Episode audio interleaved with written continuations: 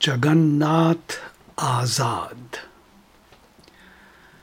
سانی تیرا پھر آ نہ سکے گا جہان میں۔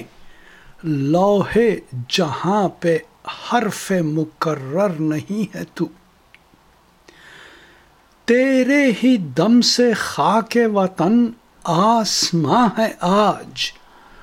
رتبے میں مہر و ماہ سے کمتر نہیں ہے تو۔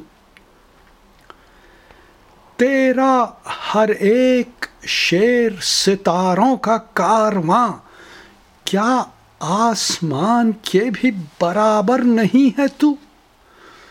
نازاں ادب ہے تجھ پہ، تفکر کو تجھ پہ ناز۔ ہے فلسفی بھی، محض سخنور نہیں ہے تو؟